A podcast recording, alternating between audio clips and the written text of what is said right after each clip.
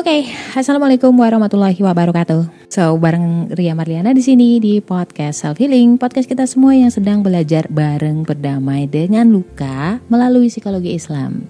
Kadang-kadang gue spill tentang karakter manusia berdasarkan golongan darah. But anyway, eng-eng buat kamu-kamu yang sekarang ini nih lagi lagi sibuk ngelamar kerjaan atau misalkan lo punya cita-cita mau kerja di suatu perusahaan wow gitu ya. I'm so sorry teman-teman HRD ya, mungkin kalian akan sebel banget setelah ini. Karena aku bakal share tentang apa sih rahasia HRD ketika wawancara kerja. Kita akan lihat dari sisi psikologinya.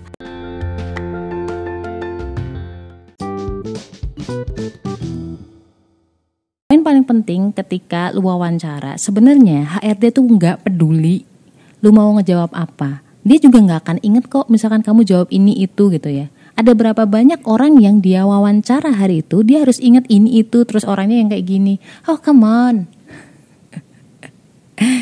Jadi logis aja lah yang realistis gitu. Sebenarnya apa sih yang mereka lihat ketika wawancara kerja? Sebenarnya mereka itu bukan hear atau bukan mendengar apa yang kamu omongin, tetapi mereka listen. Listen itu adalah nggak cuman dengerin yang kamu omongin, tetapi makna di balik kata-kata itu dan juga melihat apakah ada konsistensi di sikap kamu. Intinya nih, intinya HRD itu cuma pengen lihat gerak-gerik kamu, sikap kamu cocok nggak sama perusahaan mereka. Agak-agak ilmu membaca orang gitu sih. Yang mereka lihat adalah sikap kamu. Tapi aku akan kasih beberapa tips dan poin penting dari pertanyaan-pertanyaan HRD ke kamu. Contoh, yang pertama, kenapa kamu memutuskan untuk mencari pekerjaan di tempat lain? Nah, biasanya kan ada yang, wah pokoknya jawaban-jawaban kalian tuh sebenarnya udah seragam ya, karena kan mungkin satu sumber, satu source gitu kan. Sebenarnya HRD itu cuma pengen lihat bagaimana cara pandang kamu terhadap perusahaan yang lalu Ya, apakah kamu bakal ngejelek-jelekin perusahaan itu? Terus apakah kamu akan lebay melihat suatu masalah atau orang yang lari dari masalah? Nah, ini penting banget. Makanya jangan sampai ini poin paling krusial, jangan sampai lu ngejelek-jelekin mereka. Terus jangan sampai kamu menceritakan seolah-olah lu punya masalah terus kamu nggak bisa overcome itu semua. Terus jawabannya apa dong? Lah, jujur aja. Kalau misalkan kamu butuh gaji yang lebih gede karena memang kamu udah punya anak misalkan, Jujur aja, orang bisa tahu kok di mata kamu kalau kamu itu bohong. Atau kamu ngejawab sesuai dengan contekan. Oke, okay? kemudian yang kedua, ini soal weakness and strength atau kelemahan dan kelebihan kamu. Ini orang tuh HRD pengen lihat apakah kamu orang yang narsistik atau kamu orang yang suka mengunderestimate diri kamu sendiri. Kenapa? Kalau orang-orang narsis itu mereka susah untuk diajak bekerja sama. Fokus mereka adalah diakui sebagai orang yang uh, uh, orang yang pinter ya. Tapi belum tentu dia bisa menyelesaikan masalah. Intinya pencitraan gitulah.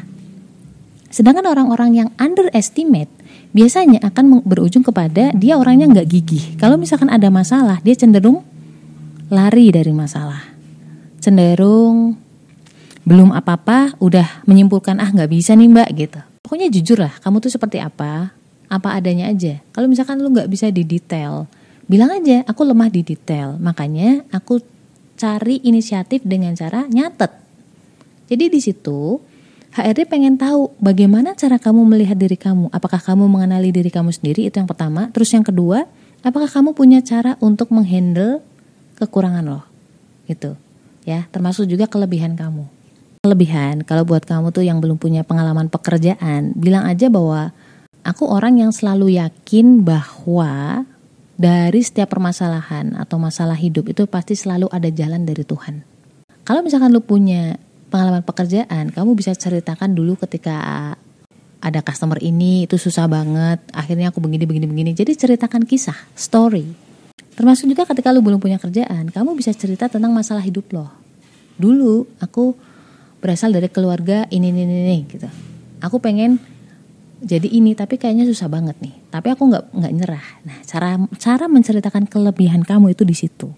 Daripada atau alih-alih kamu bilang bahwa aku orang yang persisten aku orang yang gigih. No jangan seperti itu. Orang juga nggak akan percaya gitu aja. Nah, dari soal how much salary atau berapa gaji yang kamu mau, ini juga tricky. Kamu, aku pengen gaji segini, tapi jangan ngasal ya. Kamu harus punya landasannya apa.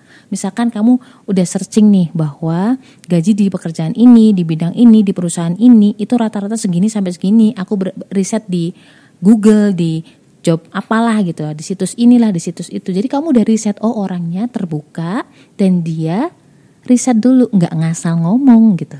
Kemudian yang kedua, kamu bisa bilang bahwa lu tinggal di ini, kebutuhan hidup segini, biaya bolak-balik transportasi segini, orang akan tahu atau HRD akan lihat bahwa kamu orangnya detail, eh, orangnya detail dan juga hati-hati dalam perhitungan gitu. Kalau misalkan kamu dikasih pertanyaan, ada pertanyaan nggak ke perusahaan kami gitu, misalkan HRD kan kadang-kadang nanya tuh di akhir ya nggak, um, jangan nggak nanya ya, kamu harus riset dulu tentang perusahaan ini. Jadi nggak kopong-kopong amat gitu. Inisiatif. Kalau misalkan kamu nggak nanya oh, orangnya nggak gigih nih, berarti nggak sesuai sama omongan dia tadi gitu. Harus nanya. Minimal pertanyaannya adalah ini sistemnya seperti apa ya? Kalau misalkan eh, info-info dasar kayak perusahaan ini berdiri dari tahun berapa, tentang perusahaannya ini tuh tentang apa, harusnya sudah ada. Kamu dari set dulu itu. Kamu harus nanya, ini nanti sistem pekerjaannya gimana ya? Maksudnya untuk posisi ini. Jenjang karir seperti apa? Terus nanti status karyawannya kontrak atau pegawai tetap. Jangan sampai lu keluar dari perusahaan lo padahal lo udah pegawai tetap terus lu terima karena gajinya lebih gede tapi nggak ada jenjang karir alias kontrak. Sama kan kayak akhirat. Jangan lu tuker akhirat dengan dunia yang hanya sementara. Wah asik. Bijak bener gue di situ HRD akan lihat kamu kamu inisiatif. Kemudian yang kedua adalah kamu pengen tahu tentang proses pekerjaannya seperti apa. Terus selanjutnya kamu juga harus nanya tuh, orang macam apa sih yang Anda harapkan atau perusahaan Anda harapkan untuk posisi saya ini, posisi yang lu lamar ini gitu. Itu coba.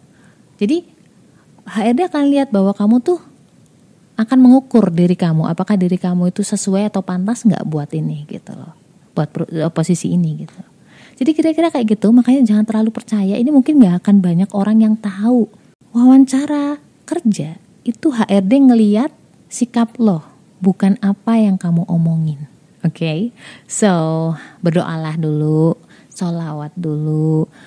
Robis Rohli Sadri wa Yasirli Amri juga berdoa, doanya Nabi Musa biar lancar semua. Udah pasrahin habis itu. Karena kadang-kadang menurut kita baik, ya ternyata enggak tentu baik loh di dunia dan akhirat kita. Serahin semua ke Allah. So stay love and assalamualaikum warahmatullahi